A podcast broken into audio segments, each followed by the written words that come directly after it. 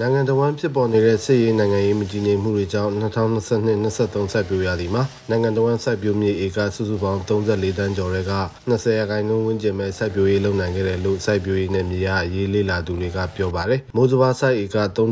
တန်းကျော်ရှိတဲ့အေရီတိုင်းတစ်ခုထဲမှာသာ80ရာခိုင်နှုန်းဝန်းကျင်စဘာအထွက်နှုန်းရှိခဲ့တာပါ။ရေတင်တာနဲ့လေယာသုံးဆက်ပစ္စည်းတွေမှာအသုံးပြုဖို့73စီလိုအပ်ချက်နဲ့ဓာတ်မြေဩဇာပိုးသက်စေးစတဲ့တွန်းအားစုတွေအစမတန်စေတက်ခဲ့တာကြောင့်နိုင်ငံတော်ဝန်စိုက်ပျိုးရေးလုပ်ငန်းတွေဟာအထိနာခဲ့ရပါတယ်။ ARD တို့မွန်တို့ရခိုင်တို့မန္တလေးတို့ဆိုရင်ကျွန်တော်တို့တချို့လဲအဆက်အသွယ်မရဘူးကြားတဲ့အနေထားရလောက်ကတော့စိုက်ထားတဲ့အဟောင်းပဲရှိတယ်အစ်စ်လုံးဝမစိုက်နိုင်တော့ဘူးဆိုတဲ့ဟာမျိုးပဲခူးတို့ချင်းကရင်ရှမ်းတို့မကွေးတို့ကနေနီတို့ကြတော့နည်းနည်းလေးပြန်စိုက်နိုင်တယ်10ရာခိုင်နှုန်း20ရာခိုင်နှုန်းလောက်ပေါ့အဲ့လောက်ပဲစကိုင်းဆိုရင်လည်းလက်ရှိအကောင့်ထဲပေါ်နေတာက10ရာခိုင်နှုန်းလောက်ပဲ15ရာခိုင်နှုန်းလောက်ပဲမြင်ရတဲ့ဟာမျိုးပေါ့လေလုံခြုံရေးရမြေပြင်ကတိကျတဲ့သတင်းချက်လက်တွေမရတာခိုင်လုံတဲ့အချက်လက်တွေနဲ့ရှေ့ရေးအတွက်မတွက်ချက်နိုင်တာဟာစိုက်ပျိုးရေးလုပ်ငန်းနဲ့စားနပ်ရိက္ခာမလုံလောက်တဲ့ပြဿနာကိုဖြေရှင်းမှုပိုပြီးခက်ခဲစေတယ်လို့ကျွမ်းကျင်သူတွေကသုံးသပ်ပါတယ်။စံစဘာအတွက်ရေးပါတဲ့မုံရွာပသိမ်ကုန်စည်စည်းစိမ်မှုလမ်းကြောင်းတစ်လျှောက်မှာကုန်ကျန်းစဘာကိုကောင်းကောင်းမစိုက်ပျိုးနိုင်ခဲ့တာအဖန်စီအကန့်အသတ်တွေများခဲ့တာကြောင့်စဘာကုန်တွေဟာအလုံးမဖြစ်ပဲအရှုံးပေါ်တာကများခဲ့တယ်လို့ဆိုပါတယ်။ ငွေရှိတော့မဝယ်နိုင်ဘူးဗျကျိုးနေရတဲ့မှာစပါးကြီးကြီးစပါးတိုက်တဲ့အပါဝင်အကုန်လုံးပြီးရှိုးခဲ့တဲ့အခါကျတော့စပါးဝယ်ယူရေးမှာလည်းကျွန်တော်တို့အခက်အခဲရှိတယ်စပါးဆိုကျွန်တော်တို့ရင်တော့ဆိုအောက်ပြီးတော့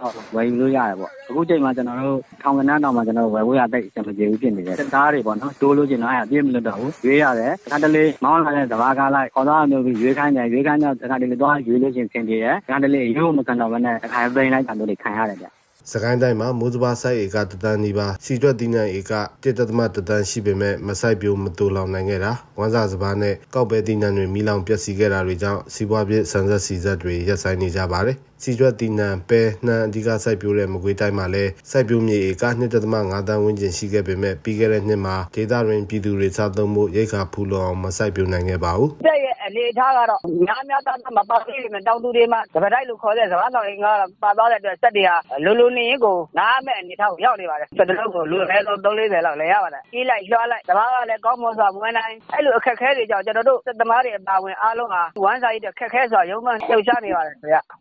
ဒီစက်တွေကတော့စက်ကြီးသမားတွေကတော့လုံးလုံးရက်ထားတယ်လို့သိရတယ်။တနိုင်တစ်ပိုင်းအိမ်လွန်းလုပ်ငန်းလေးတွေပေါ့။ဆုံစီခေါ်တော့ပေါ့။ဆုံနဲ့လက်စမော်တာနဲ့မောင်းတဲ့လုပ်ငန်းလေးတွေကတော့ကိုမီးစက်နဲ့ကိုမဖြစ်မနေလုပ်ကြရတာမျိုးဆိုတော့ခါကျတော့ကြံသေးတယ်ပေါ့။လုပ်ငန်းပမာဏအရာပြောမှဆိုတော့ရာနှုန်းပြည့်တဲ့တုန်းကနဲ့စားလို့ရှိရင်သုံးပုံတစ်ပုံလောက်ပဲလက်ပတ်နိုင်တော့တယ်လို့တော့သိရတယ် နိုင်ငံတော်ဝန်စစ်ရေးပြည်ပခါတွေကစိုက်ပျိုးရေးကုန်ကျော်ထုတ်လုပ်ရေးနဲ့ကုန်သွယ်ရေးလုပ်ငန်းစဉ်သုံးစဉ်စလုံးကိုရပ်ဆိုင်စေခဲ့ပြီးစားနပ်ရိက္ခာပြတ်တောက်မဲ့အခြေအနေစီကိုဥတည်နေတာပါနိုင်ငံထပ်ပိုင်းမှာစိုက်ပျိုးတည်နှံတဲ့ပို့ဆောင်ရေးအဓိကလမ်းကြောင်းဖြစ်တဲ့အေယာဝတီမန္တလေးမုံရွာပခုတ်ကူလာရှိုးလမ်းကြောင်းကနေတဆင့်မြန်မာနိုင်ငံထပ်ပိုင်းအိန္ဒိယနဲ့တရုတ်နိုင်ငံနယ်စပ်ဂိတ်တွေကိုပို့ဆောင်ကုန်သွယ်ကြတာဖြစ်ပါတယ်နိုင်ငံအောက်ပိုင်းကုန်သွယ်ရေးလမ်းကြောင်းကတော့ရန်ကုန်တိုင်းကိုဗဟိုပြုတာဖြစ်ပြီးနိုင်ငံတောင်ပိုင်းကုန်သွယ်ရေးဂိတ်တွေစီကိုပို့ဆောင်ကုန်သွယ်တာဖြစ်ပါတယ် လက်တလုံးမှာတော့နိုင်ငံတော်ဝန်နယ်စပ်ကုန်သွယ်ရေးဂိတ်14ခုမှာပုံမှန်ကုန်စည်စီးဆင်းမှုမရှိတော့တာကြောင့်တနိုင်ငံလုံးကုန်သွယ်ပမာဏရဲ့40ရာခိုင်နှုန်းဝန်းကျင်ရော့ကျရပ်ဆိုင်နေပါတယ်နယ်စပ်ကုန်သွယ်ရေးမှာရေးပါတဲ့မြို့တချို့ကိုတော်လိုင်းအင်အားစုတွေကသိမ်းယူထားပေမဲ့ပြည်တွင်းကလမ်းကြောင်းတွေပိတ်ဆို့နေဆဲဖြစ်တာကြောင့်နယ်စပ်ဂိတ်တွေဟာပုံမှန်အခြေအနေလိုကုန်သွယ်ဖို့မဖြစ်နိုင်သေးပါဘူးဖာနီကွန်တယ်လမ်းမအကြီးကတော့ကျွန်တော်တို့အောက်မှာရှိတယ်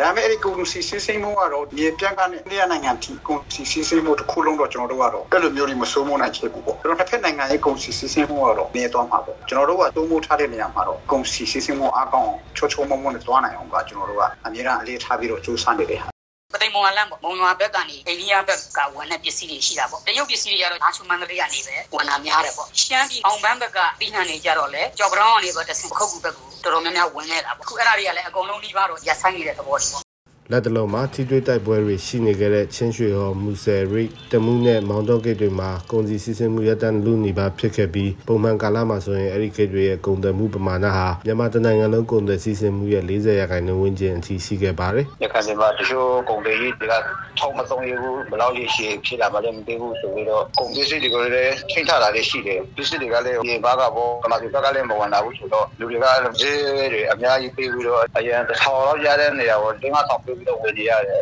ကုန်းလည်းရေလည်းအကုန်လုံးကိုပိတ်ထားလိုက်တယ်ပဆွတ်လိုက်တယ်ဆိုတော့ဒီအကြောင်းကနေပြီးတော့ကွန်ရက်လေးတွေစီလေးတွေနည်းနည်းပါးပါးဝင်လာပဲရှိတယ်ဒီကတော့ရခိုင်ပြည်နယ်မှာ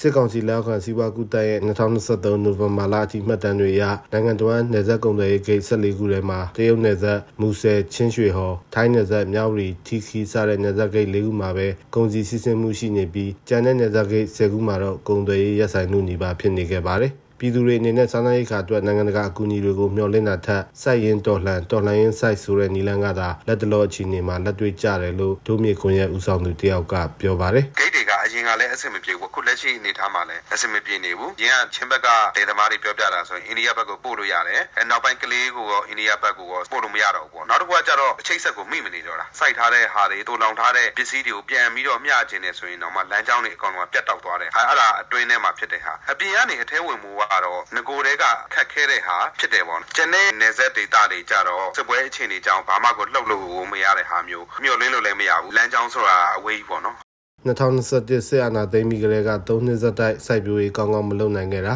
စစ်ရေးနိုင်ငံရေးပြဿနာတွေကြောင့်လုံခြုံရေးအမခံချက်မရှိတာတွေကြောင့်ကုန်သွယ်စည်းစိမ်မှုလမ်းတွေပိတ်ဆို့နေပြီးကုန်စည်နှုန်းတွေအဆမတန်တက်ခဲ့ပါတယ်ထိုင်းနယ်စပ်တရုတ်နယ်စပ်မှာရှိတဲ့ပုံသွဲစခန်းတွေတော်လှန်ရေးအင်အားစုတွေဟာဒေသကိုလုံခြုံအောင်တည်ငြိမ်အောင်လုပ်ပြီးတော့ဒီကုန်သွယ်ရေး အဆင်ပြေအောင်လို့ကြိုးစားနေတဲ့အချိန်မှာစစ်တပ်ကနေပြီးတော့ဖျက်လို့ဖျက်ဆီးတွေလုပ်နေတာတွေကြုံတွေ့နေရပါတယ်အိန္ဒိယနယ်စပ်မှာဆိုရင်တော်လှန်ရေးအင်အားစုတွေထိန်းချုပ်နိုင်တဲ့အနေအထားတွေအများကြီးရောက်လာတာတွေ့ရပါလိမ့်မယ်တော်လှန်ရေးအင်အားစုတွေအပြည့်အဝထိန်းချုပ်လာတဲ့အခါမှာတော့ကုန်သွယ်ရေးတွေပုံမှန်ပြန်ဖြစ်အောင်တိုင်းဒေသဒေသမှာရှိတဲ့အုပ်ချုပ်ရေးအဖွဲ့အစည်းတွေဟာလုပ်ကင်သွားမယ်ဆိုတာသုံးသပ်ပြောကြားခြင်းပါတယ်ခင်ဗျ 2022ကမ္ဘာ့ဘဏ်အစီရင်ခံစာအရတောင်သူလယ်သမားအိမ်တော်စု9စုမှာတစုဟာအကြက်တဲကြုံနေရပြီးစားစရာပုံမှန်ရဖို့အတွက်ငွေချေးတာပိုင်ဆိုင်ပစ္စည်းရောင်းချတာအစားလျှော့စားတာတွေပြုလုပ်ခဲ့တာကိုတွေ့ရတယ်လို့ဆိုပါတယ်။စိုက်ပျိုးရေးကုန်သွယ်ရေးနှစ်ခုစလုံးအထိနာနေတဲ့အခြေအနေကြောင့်2023မှာပိုပြီးဆိုးရွားတဲ့အခြေအနေတွေဖြစ်ခဲ့ပြီး WFP ရဲ့ထုတ်ပြန်ချက်အရမြန်မာပြည်သူ3ယောက်မှာ1ယောက်ဟာ